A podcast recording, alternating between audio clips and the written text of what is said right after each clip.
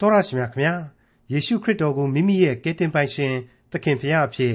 လက်ခံယုံကြည်ကိုးကွယ်ကြတဲ့ခရိယန်အတိုင်းအဝိုင်းမှာတိုးရင်းဆိုရင်ခရိယန်သင်းအုပ်တရားဟောဆရာခရိယန်ခေါင်းဆောင်တွေကိုရှုမြင်ကြပါတယ်အဲ့ဒီတိုးရင်းဆိုတဲ့ခေါင်းဆောင်ကြီးတွေတိုးရင်းတာဝန်ကျေပွန်ကြပါရဲ့လားကိုယ့်ရဲ့တိုးတွေကိုအစာမကျွေးပဲကိုယ့်ကိုယ်ကိုယ်သာကျွေးနေကြလို့တိုးတွေဟာတားရဲတရိษံတွေရဲ့ကြိုက်ဆွဲတပ်ဖြတ်စားတောက်ခြင်းကိုခံကြရတယ်ဆိုရင်တော့တာဝန်မကျေဘူးပေါ့ တိုးတွေကတော့ ပိန်လီနေပေမဲ့ဝဖီးဆိုပြေနေကြတဲ့တိုးရင်းကြီးတွေကို မြင်မှုကြမှာပါ ဒီကနေ့တင်ပြရသောတမချန်းစီအစဉ်မှာ လေးလာမှာဖြစ်တဲ့ ခရိယန်တမချန်းရဲ့ ဓမ္မဟောင်းကျမ်းပိုင်းတွေကရေစကြည်လနာဂတိကျမ်း အခန်းကြီး34မှာ စစ်မှန်တဲ့တိုးရင်းရဲ့ တာဝန်များကို တွေ့ရမှာဖြစ်ပါတယ်တိုးရဲ့အမွှေးတွေကိုညှက်နှုတ်ညစ်တောက် ဂုတ်သွေးဆုံညှင်းစေရတဲ့တိုးရင်းတွေ ပြောရရင်တော့ လူကောင်းဆောင်တွေရဲ့ လမ်းဆုံးဏီကုန်းဟာ ကြောက်စရာဖြစ်တဲ့အကြောင်း ရေစကြည်လအနာဂတ်ကျမ်းအခန်းကြီး 34 ကိုဒေါက်တာထွန်းမြတ်အေးကအခုလိုလေ့လာတင်ပြထားပါတယ်။တင်ပြရသောတမန်ကျမ်းရဲ့မိတ်ဆွေတော်တတ်ရှင်အပေါင်းတို့ခင်ဗျာမိတ်ဆွေတို့နဲ့ကျွန်တော်တို့ဒီကနေ့အတူတူလေ့လာသွားရမယ့်သင်ခန်းစာကတော့ရေစကြည်လအနာဂတ်ကျမ်းအခန်းကြီး34ပဲဖြစ်ပါတယ်။အခန်းကြီး34ရဲ့အငယ်1မှ9ကိုစတင်နားဆင်ကြကြပါစို့။တဖန်ထာဝရဘုရား၏နှုတ်ကပတ်တော်သည်ငါစီသို့ရောက်လာ၍အချင်းလူသား သင်သည်ဣသရေလအမျိုးသိုးရင်းတို့တစ်ဖက်၌ပရောဖက်ပြု၍ဟောပြောလျက်သိုးဒိန်တို့အားအရှင်ထာဝရဘုရားမိန့်တော်မူသောစကားကိုဆင့်ဆိုရမည်မှာကိုကိုသာကျွေးမွေးသောဣသရေလအမျိုးသိုးဒိန်တို့သည်အမင်္ဂလာရှိကြ၏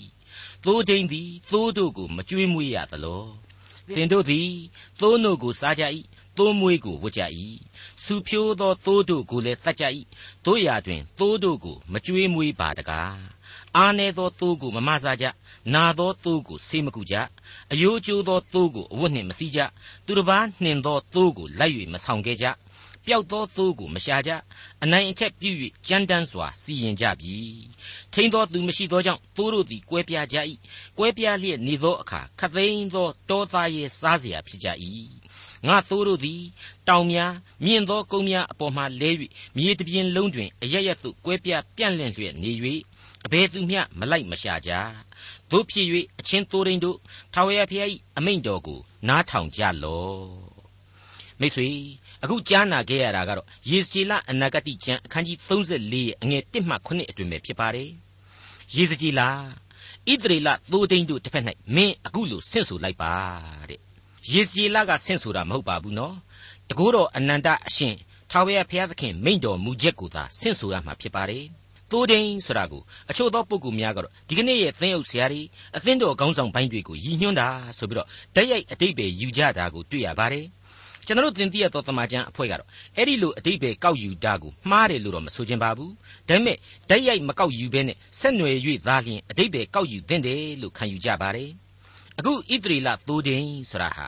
ဣသရေလလူမျိုးရဲ့လူအဖွဲ့အစည်းကိုဘုရားသခင်ကိုစားတာဝန်ယူအုပ်ချုပ်နေရတဲ့ အုပ်ချုပ်ရေးလောကနဲ့ဘာသာရေးလောကကခေါင်းဆောင်တွေအကုန်လုံးကိုအကျုံးဝင်ပြီးတော့ထည့်သွင်းဖော်ပြထားခြင်းဖြစ်ပါတယ်။အထူးဖြင့်ဒီကျမ်းရဲ့အနှစ်သာရကိုရှုကြည့်ရခြင်းအပြင်လေပရောဖက်ပြုနေသူအတုအယောင်တွေနဲ့ဣသရေလခေါင်းဆောင်ပိုင်းကဖောက်ပြန်ပျက်စီးနေသူတွေကိုသာအဓိကဥတီလိုက်တယ်လို့ကျွန်တော်ဆိုချင်ပါတယ်။ကိုကိုကိုသာကြွေးမွေးတော်သူတဲ့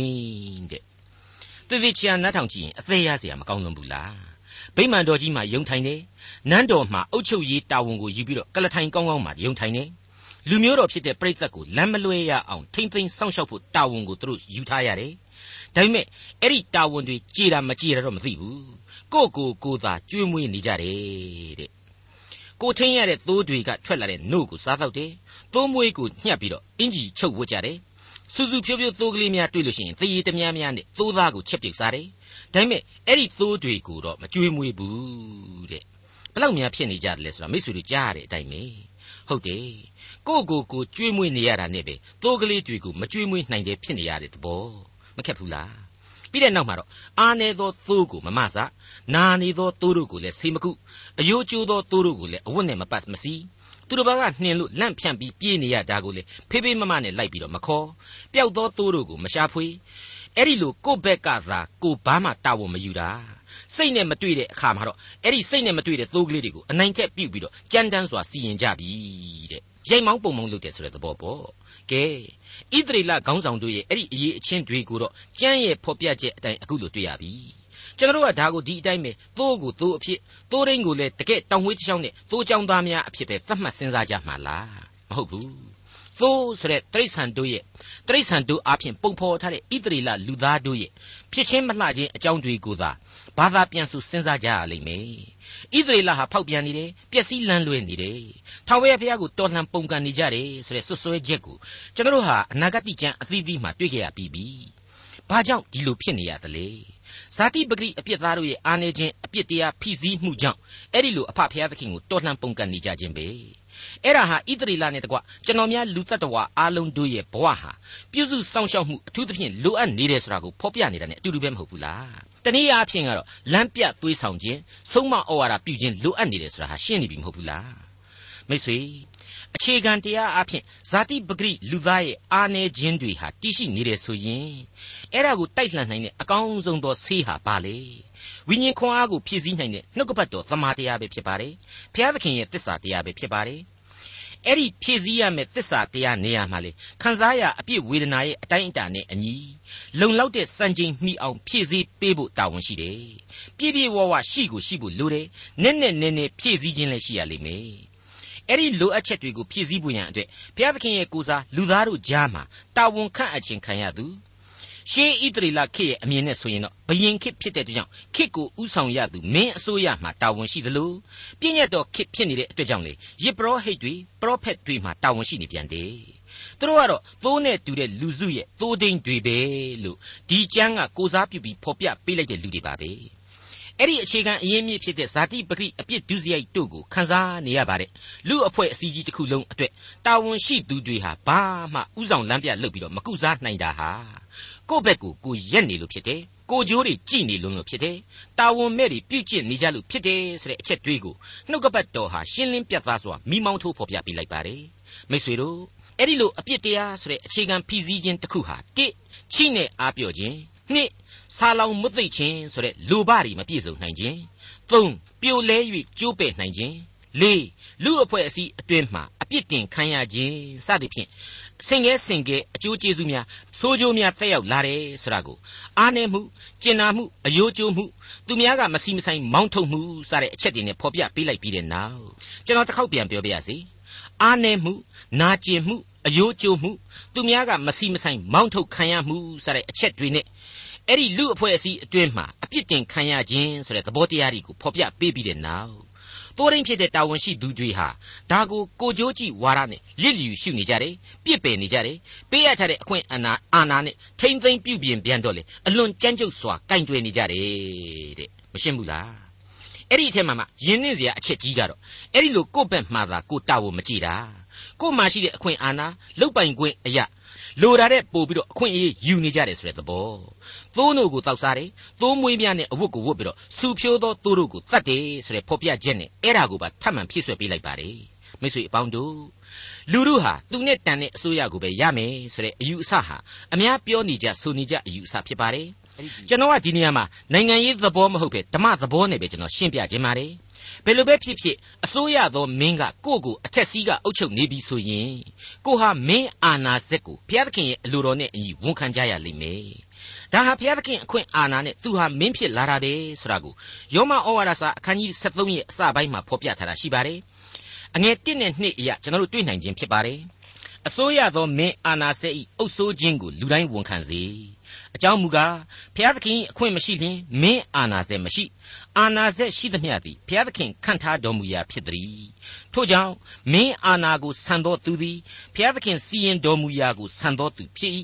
ထိုသို့ဆန်သောသူသည်ယာဇဝတ်ကိုခံရမည်တဲ့ရှင်းနေတာပါပဲအဲ့ဒီတက်မကသိနိုင်ပါဘူးအဲ့ဒီအခန်းကြီးမှာပဲအငယ်9ကနေ9အတွင်းမှာအခုလိုဆက်လက်ဖော်ပြထားတာကိုတွေ့ရပြန်ပါသေးတယ်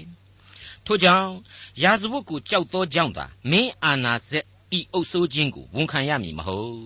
ကိုကိုကိုတည်သောစိတ်ကိုထောက်၍ဝန်ခံရမည်ထိုအကြောင်းကြောင့်အခွန်အတုတ်ကိုပေးကြလော့မင်းတို့သည်ဘုရားသခင်၏အမှုဆောင်ဖြစ်၍အမှုတော်ကိုအမြဲထမ်းကြ၏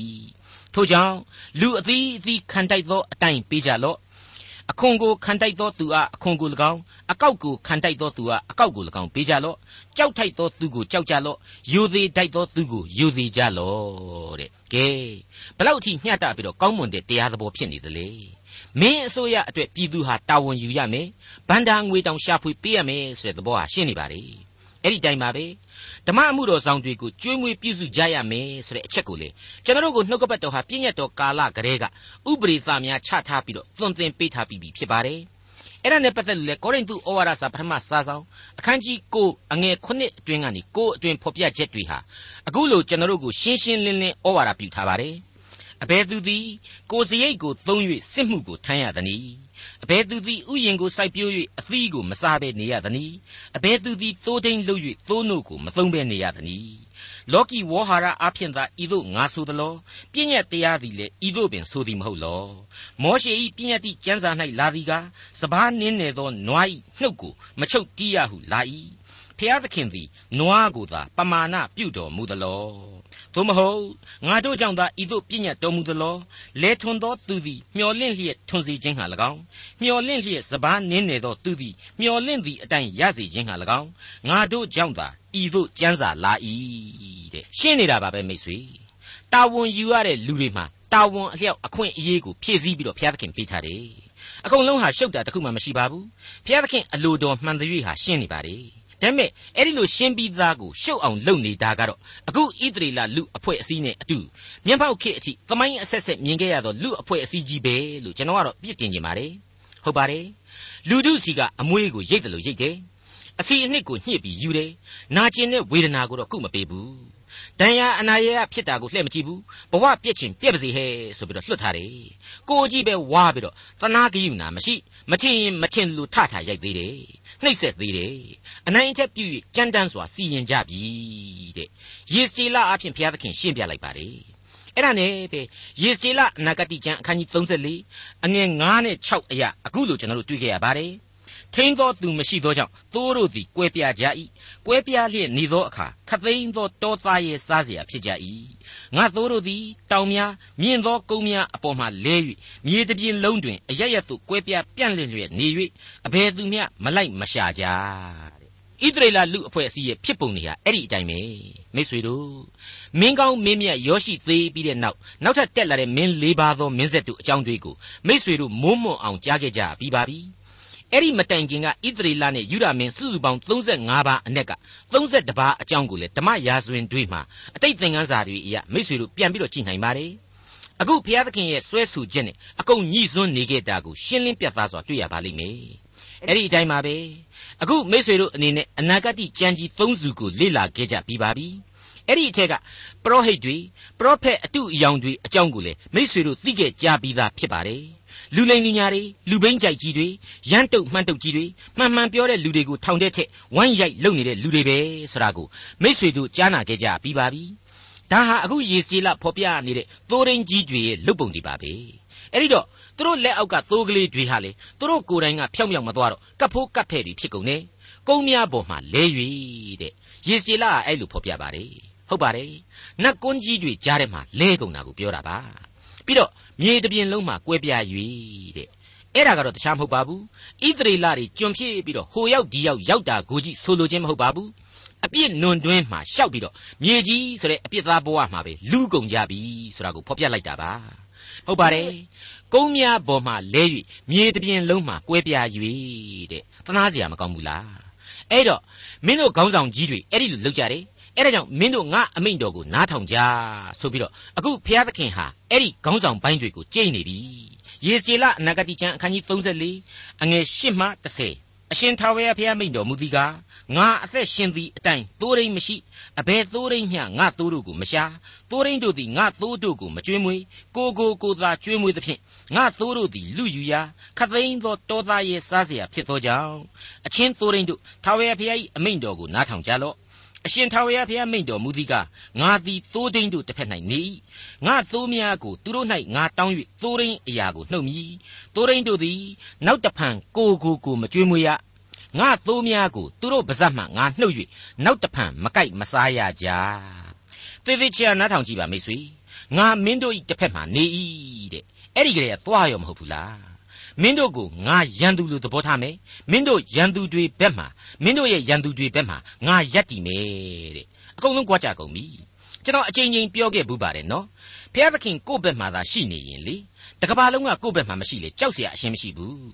တကဘာလုံးကြီးကကိုယ့်ဘက်မှာရှိနေသည့်တိုင်အောင်လေဖျားသခင်ကိုယ့်ဘက်မရှိဘူးဆိုမှဖြင့်ကိုယ့်ဘဝဟာဘာမှအလုံးမဖြစ်တော့ဘူးမအောင်မြင်နိုင်တော့ဘူးဆိုတာကိုမိษွေတို့ကိုကျွန်တော်အချိန်ချင်းပြောခဲ့ဘူးပါတယ်မိษွေတို့ဒီအချက်ကိုရင်ဝယ်ပိုက်ကြပါသတိရကြပါ အခုဣတရီလာမင်းတို့ရဲ့တစ်ဖက်မှာငါနေမည်ဆိုတဲ့အတွဲလိုက်စကလုံးကလေး6လုံးတည်းနဲ့ပက်လန်သွားပြီမိษွေတို့ကျွန်တော်တို့ကများအဲ့ဒီလိုဗျာဒိတ်ပြုတ်လိုက်ရင်လေဘာမှစဉ်းစားမနေနဲ့ကိုယ့်ဘက်မှာရှိနေတယ်လို့ကိုထင်တဲ့အရာတွေကိုကဟုတ်လာပြီလို့အားကိုးနေတာတွေအကုန်လုံးကိုကန့်ပစ်လိုက်ပြီးတော့သူ့ကိုယ်သာအကျွင့်မဲ့နောင်တနဲ့ပြေးပြီးတော့ကြဲကြဲရင်ဖွင့်အသနာခံကြပြီးတော့ယေစကျေလအနာဂတိကျမ်းအခန်းကြီး34အငယ်7မှ15 အရှင်ထာဝရဘုရားမိန့်တော်မူသည်ကားငါသည်ကိုယ်တိုင်လိုက်၍ငါသိုးတို့ကိုရှာမည်ကွဲပြားလျက်ရှိသောမိမိသိုးတို့တွင်သိုးဒိန်းရောက်သောအခါကြိုးစား၍ရှာတဲ့ကဲ့သို့ငါသည်လည်းငါသိုးတို့ကိုကြိုးစား၍ရှာမည်မိုးအုံ၍မိုက်သောနေ့၌သူတို့ကွဲပြားသောအရရတို့ကငါနှုတ်ဆောင်မည်အတိုင်းတိုင်းအပြည်ပြည်တို့ကခေါ်ခဲ့၍စုဝေးစေပြီးလျှင်သူတို့နေရင်ပြည်သို့ပို့ဆောင်မည် ဣသရေလတောင်တို့အပေါ်မြစ်တို့အနာအဆရှိသောနေစရာအရရတို့၌ကျွေးမွေးမည်ကောင်းသောကျက်စားရအရ၌ကျွေးမွေးမည်မြင့်သောဣသရေလတောင်တို့အပေါ်မှာသူတို့ခြံရှိလိမ့်မည်သူတို့သည်ဣသရေလတောင်တို့အပေါ်မှာကောင်းသောခြံ၌အိပ်၍ကျွယ်ဝသောကျက်စားရာ၌ကျက်စားရကြလိမ့်မည်ငါသည်ငါသိုးများကိုကျွေးမွေးမည်အိပ်ရာကိုလည်းငါပေးမည်မိတ်ဆွေအပေါင်းတို့ 23ခုမြောက်သောဆာလံကိုမိษွေတို့အထက်ကယုံကြည်သူတွေအများစုအလွတ်ရကြပါတယ်။ထာဝရဘုရားသည်ငါ၏တိုးရင်းဖြစ်တော်မူ၏။ငါသည်ဆင်းရဲမခံရ။စိန်လန်းသောကျက်စားရရ၌ငါကိုအိတ်စေတော်မူ၏။သာယာသောမျက်နာသို့လမ်းပြပို့ဆောင်တော်မူ၏။ငါဝိညာဉ်ကိုအားဖြည့်၍နာမတော်အဖို့အလို့ငါတရားလမ်းတဲ့၌သွေးဆောင်တော်မူ၏။အကယ်၍သင်မင်းရိတ်လွှမ်းမိုးသောဂျိုင်တဲသို့ရှောက်သွားရတော်လေဘေးအန္တရာယ်ကိုမကြောက်ပါ။ အကြောင်းမူကားကိုတော်သည်အကျွန်ုပ်နှင့်အတူရှိတော်မူသည်ဖြစ်၍လှန်တန်တော်နှင့်တောင်ဝေးတော်သည်အကျွန်ုပ်ကိုချမ်းသာစေပါ၏အကျွန်ုပ်၏ရန်သူတို့ရှိမှအကျွန်ုပ်အဖို့စပွဲကိုခင်းတော်မူ၏အကျွန်ုပ်၏ခေါင်းကိုစီနှင့်လိမ့်တော်မူ၏အကျွန်ုပ်၏ခွက်ဖလားသည်ရှံလျက်ရှိပါ၏အကယ်စင်စစ်အကျွန်ုပ်သည်ကျေးဇူးနှင့်ဂရုနာတော်ကိုတစ်သက်လုံးခံစား၍ထာဝရဘုရား၏အိမ်တော်မှအစဉ်အမြဲနေရပါလိမ့်မည်တဲ့ မိတ်ဆွေအပေါင်းတို့အခုယေစကျေလကဖော်ပြပေးလိုက်တာကတော့စစ်မှန်သောကျေးဇူးနဲ့ဂရုနာတော်ဟာအစဉ်တည်ရှိနေတယ်ဆိုတဲ့အချက်ပဲဖြစ်ပါတယ်ကျွန်ဘဝရဲ့မရောက်ခင်ကလေးကမင်းတို့ကျွန်ခံရမှာအသေးအချာပဲဒါပေမဲ့မထုဘူးဆိုပြီးတော့ဖြစ်ချင်ရဖြစ်မလုပ်ကြပါနဲ့ငါ့ကိုသာချင်းကပ်ကြပါငါ့ကိုဆူတောင်းကြပါငါစီကိုပြန်လာကြပါဆိုတာကိုဘုရားသခင်ဟာအစဉ်တစိုက်ပြောခဲ့ပါတယ် တနေ့နေ့တစ်ချိန်ချိန်မှာငါပြန်ပြီးတော့လွတ်မြောက်စေရမယ်ဆိုတဲ့အလင်းတန်းကလေးတစ်ခုကိုလေချထားပေးခဲ့ခြင်းဖြစ်တယ်ဆိုတာကိုချထားပေးခဲ့ပြီးပြီဆိုတာကိုမိษွေတို့ဟာယေရမိအနာဂတ်မှာကလေးကကြားနာခဲ့ကြရပြီးပါပြီဒါကိုယေစကျေလအနာဂတ်ဟာထပ်မံအတီးပြုတ်ပေးလိုက်တယ်နဲ့အတူတူပဲဖြစ်ပါတယ်မိษွေအပေါင်းတို့ နှုတ်ကပတ်တော်ဟာနားမလည်နိုင်စရာတွေအများကြီးနဲ့အတူအလွန်နားလည်လွယ်တဲ့အဖြေတွေကိုလည်းပေးမြဲပဲဖြစ်ပါတယ်ငါသည်ကောင်းသောသူရင်းဖြစ်၏တဲ့ခရစ်တော်အဲ့ဒီလိုရှင်ယောဟန်ခရစ်ဝင်ကျမ်းမှာဖော်ပြထားပါတယ်ဝန်လေး၍ပင်ပန်းသောသူအပေါင်းတို့ငါထံသို့လာကြငါသည်ချမ်းသာပေးမည်ဆိုပြီးတော့လေရှင်မသက်ခရစ်ဝင်ကျမ်းမှာဖိတ်ခေါ်ထားပြန်ပါတယ်ဒီအချက်တွေဟာမဆိုင်မတွကျွန်တော်တို့အာဂုံဆောင်ပြီးတော့အသက်ရှင်တော်မူသောအဖဖရာသခင်ကိုကိုးကွယ်ဖို့ရန်အတွက် ခက်ခဲနေနေသောနှုတ်ကပတ်တော်ရဲ့အခြားသောအပိုင်းတွေကြားထဲမှာအလွယ်ကူဆုံးဖော်ပြထားသောကြေညာသံတွေပဲဖြစ်ပါတယ်ယေစကျေလအနာဂတိကျမ်းအခန်းကြီး34အငယ်16မှ19သူတစ်ပါးနှင်သောသိုးကိုလိုက်၍ဆောင်ခဲ့မည်အယိုးကျိုးသောသိုးကိုအဝတ်နှင့်စီးမည်အားနည်းသောသိုးကိုမဆမည်စုဖြိုး၍အားရှိသောသိုးကိုကတရားအတိုင်းကျွေးမွေး၍ကုမြဲ့မည်ဟုအရှင်ထာဝရဘုရားမိန့်တော်မူ၏ အရှင်ထာဝရဘုရားမိန့်တော်မူသည်ကားအိုးငါသိုးတို့တိရစ္ဆာန်အမျိုးမျိုးတို့ကို၎င်းသိုးတီးနှင့်စိတ်ကြီးတို့ကို၎င်းငါပိုင်းခြားမည်သင်တို့သည်ကောင်းသောကြက်စားရအရ၌စားသည်သာမကကြံသောမြက်ပင်ကိုနင်းသောအမှုသည်သာမညအမှုဖြစ်သည်ဟုထင်မှတ်ကြသလောကြည်သောရေကိုတောက်သည်သာမကကြံသောရေကိုခြေနှင့်နောက်စေသောအမှုသည်သာမညအမှုဖြစ်သည်ဟုထင်မှတ်ကြသလောသင်တို့နင်းသောမြက်ပင်ကို၎င်း ခြေနှင့်နောက်စေသောရေကို၎င်းငါသိုးတို့သည်စားတော့ရကြမည်လောကောင်းသောသိုးရင်းဆိုတဲ့တပါးရီသောကေတင်ရှင်ရဲ့အောက်မှာမှစောစောကဖော်ပြခဲ့တဲ့သိုးတွေရောမတော်မတဲ့ဂုတ်သွေးဆုပ်တဲ့သိုးရင်းအဆုပ်ပလုတ်တွေရောအကုန်လုံးရှိတယ်အကုန်လုံးဟာသူဖန်ဆင်းထားတဲ့လူသားတွေကြီးပဲမဟုတ်ဘူးလားအဲ့ဒီထဲကမှလူအချင်းချင်းအမွေးညှက်ပြီးတော့အင်ကြီးချုပ်ဝတ် နှုတ်ညှစ်တောက်ပြီးတော့ညှင်းဆဲတတ်တဲ့ခေါင်းဆောင်တွေကိုကြိုးကြည့်ဝါဒီတွေဘိုက်ပူနံကားတွေအကုန်လုံးကိုသတိပေးလိုက်တယ်ငါကွက်မြက်မီတဲ့တချို့ကဒီအပိုင်းမှာဒီလိုကွက်မြက်မီဆိုပြီးသုံးတာဟာသိပ်ပြီးတော့ကြမ်းတယ်ဓာတ်နဲ့ခုတ်ဒုံနဲ့ရိုက်အပြက်ရှင်းဆိုသလိုတွေးပြီးတော့သတ်ပစ်တယ်ဆိုတာမျိုးတွက်ဆကြတာရှိပါတယ်အင်္ဂလိပ်မှာက destroy လို့သုံးထားတဲ့အတွက်ကြောင့်ဖျက်ဆီးခြင်းတက်တက်ဖြစ်ပါတယ်အတိုင်းအဆမရှိသောဆုံးရှုံးခြင်းအပြစ်ဒဏ်ပဲလို့ကျွန်တော်ခံယူပါတယ်ဟုတ်ပါတယ်မိတ်ဆွေ လောကရနဲ့လောကသားတွေကိုသူပိုက်နေမြေကြီးနဲ့မြေကြီးသားတို့ကိုသူပိုက်နေသူကြိုက်တယ်လို့စီရင်ပိုင်ခွင့်ရှိတယ်သို့ဒီစိတ်ကြီးတို့ကိုငါပိုင်းခြားမည်တဲ့ဆက်လိုက်ပြန်ပါလေအဲ့ဒီလိုပုံစံနဲ့ဖြက်စီးခြင်းနဲ့စီရင်ပိုင်းခြားခြင်းများကိုဖော်ပြလိုက်တဲ့အတွေ့အခုအပိုင်းရဲ့ဖော်ပြချက်တွေဟာအနည်းငယ်ပြောင်းလဲသွားတယ် တခြားတော့မဟုတ်ဘူးတက္ကာလတရားစီရင်ခြင်းနဲ့သွားရောက်ဆက်ဆက်မှုရှိလာတယ်ဆိုတဲ့အချက်ကိုဖော်ပြပေးလိုက်ပါတယ်ဒါကိုအခုဆက်ပြီးတွေ့ရတဲ့အပိုင်းဟာပို့ပြီးတော့ပြည်ပြင်းသွားစေမယ်လို့ကျွန်တော်ဆိုချင်ပါတယ်ယေစကျေလအနာဂတိကျမ်းအခန်းကြီး34အငယ်20မှ22 တို့ဖြစ်၍ထိုသူတို့အားအရှင်ထာဝရဘုရားမိန့်တော်မူသည်ကစူဖြိုးသောတိရစ္ဆာန်တို့နှင့်ပိန်ကြုံသောတိရစ္ဆာန်တို့ကိုငါသည်ကိုယ်တိုင်ပိုင်းခြားမည်သင်တို့သည်အာနေသောသူတို့ကိုအရရတ်တို့ကွဲပြားစေခြင်းဟာနံပါးနှင့်၎င်းပခုံးနှင့်၎င်းတိုး၍ဂျိုနှင့်ခွေသောကြောင့်ငါသည်ငါသိုးတို့ကိုကယ်တင်သဖြင့်သူတို့သည်နောက်တဖန်လူယူရာမဖြစ်ရကြတိရစ္ဆာန်အမျိုးမျိုးတို့ကိုလည်းငါပိုင်းခြားမည်မိတ်ဆွေပိုင်းခြားမည်ဆိုတဲ့အချက်ကိုသေချာစဉ်းစားပါနော် ဖန်ဆင်းခြင်းကာလကလေးကတသမတ်ထဲဒွေရောရှစ်တင်ဖြစ်နေတဲ့လူလောကအကောင်းနဲ့အဆိုးစာရန်ဘက်တော်သားနဲ့ဖျားသခင်ဘက်တော်သားအမြဲတမ်းအားပြိုင်နေရတဲ့သမိုင်းဟာအပိသက်ရက်တန့်သွားရတော့မယ်တရားစီရင်ခြင်းကိုဖော်ပြခြင်းဖြစ်တယ်ဆိုတာရှင်းနေပြီယေစကျေလအနာဂတိကျမ်းအခန်းကြီး34အငယ်23မှ28တိုရင်တူကိုလည်းငါခန့်ထား၍သူသည်ကျွေးမွေးလိမ့်မည်ငါဤကျွန်ဒါဝိဒ်သည်သူတို့ကိုကျွေးမွေး၍တိုရင်လောက်ရလိမ့်မည် ငါထာဝရဘုရားသည်သူတို့၏ဘုရားသခင်ဖြစ်မည်ငါ၏ကျွန်ဒါဝိဒ်သည်လည်းသူတို့၏မင်းဖြစ်ရလိမ့်မည်ငါထာဝရဘုရားပြောပြီးသူတို့နှင့်ငြိမ်သက်ခြင်းပရိညင်ကိုငါဖွဲ့၍သိုးသောသားရဲတို့ကိုထိုပြည်၌ပယ်ဖြတ်မည်သူတို့သည်လွင်ပြင်၌ငြိမ်ဝတ်စွာနေ၍တော၌အိပ်ပျော်ကြလိမ့်မည်သူတို့ကို၎င်းငါ၏တောင်တော်ပတ်လည်၌ရှိသောအရက်တို့ကို၎င်းငါကောင်းကြီးပေး၍အချိန်တန်လျင်မိုးကိုရွာစေသဖြင့်ကောင်းကြီးမိုးရီကြရလိမ့်မည် တောသစ်ပင်သည်အသီးကိုတီးလိမ့်မည်မြေသည်လည်းအသီးအနှံကိုပေးလိမ့်မည်ပြည်သားတို့သည်ငြိမ်ဝတ်စွာနေရကြလိမ့်မည်သူတို့ထမ်းသောတဘိုးကျိုးကိုငါဖြတ်၍အနိုင်အထက်စေခိုင်းသောသူတို့လက်မှကယ်နှုတ်သောအခါငါသည်ထာဝရဘုရားဖြစ်ကြောင်းကိုသိရကြလိမ့်မည်နောက်တဖန်တပါးမျိုးသားတို့သည်မလူမယူရကြပြည်သားရဲ့တို့သည်လေကြိုက်၍မစားရကြအဘယ်သူမျှမကြောက်စေဘဲသူတို့သည်ငြိမ်ဝတ်စွာနေရကြလိမ့်မည် ဒီဘိုင်းနဲ့ဖော်ပြချက်တွေဟာဣသရေလအတွက်သီးသန့်ဗျာဒိတ်တီပဲလို့ကျွန်တော်တို့ခံယူပါတယ်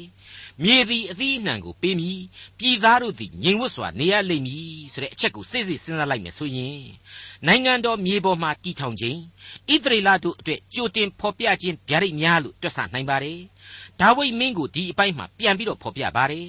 ဒါဟာသမိုင်းရာဇဝင်မှာစံတင်ရလောက်တဲ့ဒါဝိဒ်လိုမင်းတစ်ပါးနဲ့လူမျိုးတော်ကိုပြန်လဲသားရဝပြောစေမယ် ကျွန်တော်ယုံကြည်သူအသင်းတော်ကိုတော့ယေရုရှလင်မြို့သစ်မှာခရစ်တော်ကိုယ်တိုင်စိုးမိုးအုပ်ချုပ်မယ်လို့ဆိုလိုခြင်းဖြစ်ရပါလိမ့်မယ်အခုယေကျေလအနာဂတ်မှာဒါဝိဒ်ရဲ့နာမည်ကိုပြန်ပြီးတော့သုံးထားသလိုဟောရှေအနာဂတ်ကြရင်လည်းအခုလိုတွေ့ရအောင်မှာဖြစ်ပါတယ်ဟောရှေအနာဂတ်ကျမ်းအခန်းကြီး3အငယ်9ကိုကြည်ပါ ထိုနောက်မှဣသရေလအမျိုးသားတို့သည်ပြန်လာ၍သူတို့ဘုရားသခင်ထာဝရဘုရားကို၎င်းသူတို့ရှင်ဘရင်ဒါဝိဒ်ကို၎င်းရှာ၍နောင်ကာလ၌ကျေးဇူးတော်ကိုခံအံ့သောငါထာဝရဘုရားထံတော်သို့တုန်လှုပ်လျက်ပြေးကြလိမ့်မည်တဲ့ယေဇေလအနာဂတိကျမ်းအခန်းကြီး34အငယ်29မှ31အဆုံးအထိ အသရေရှိသောဥယျင်ကိုလည်းသူတို့အဖို့ငါပြုစုမည်နောက်တဖန်ပြည်၌အစာအာဟာရခေါင်းပါ၍သူတို့သည်မွတ်သိပ်ခြင်းကိုမခံရကြ တပားမျိုးသားတို့၏ကဲ့ရဲ့ခြင်းကိုလည်းမခံရကြသူတို့၏ဖျားသခင်ငါထာဝရဖျားသည်သူတို့နှင့်အတူရှိကြောင်းကို၎င်းဣသရေလအမျိုးသားဒီဟုသောသူတို့သည်ငါ၏လူဖြစ်ကြောင်းကို၎င်းသိရကြလိမ့်မည်ဟုအရှင်ထာဝရဖျားမိန့်တော်မူ၏ငါ၏ကျက်စားရအရ၌ရှိသောငါသူတို့သင်တို့သည်လူဖြစ်ကြ၏ငါသည်လည်းသင်တို့၏ဖျားသခင်ဖြစ်သည်ဟုအရှင်ထာဝရဖျားမိန့်တော်မူ၏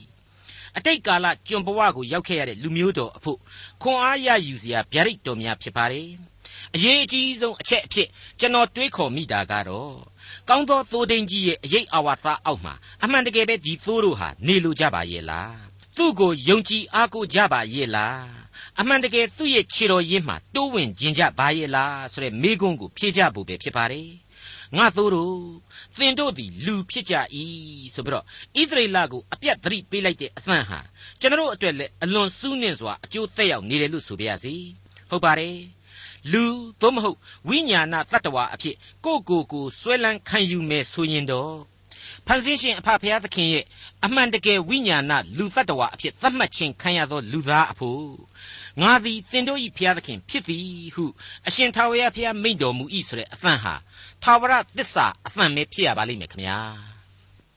ဒေါက်တာထွန်းမြတ်၏စီစဉ်တင်ဆက်တဲ့တင်ပြတော်သမာကျမ်းစီစဉ်ဖြစ်ပါတယ်နောက်တစ်ချိန်စီစဉ်မှာ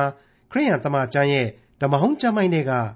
ယေစီကျေလအနာဂတိကျမ်းအခန်းကြီး35နဲ့အခန်းကြီး36တို့ကိုလေ့လာမှဖြစ်တဲ့အတွက်စောင့်မျှော်နားဆင်နိုင်ပါတယ်။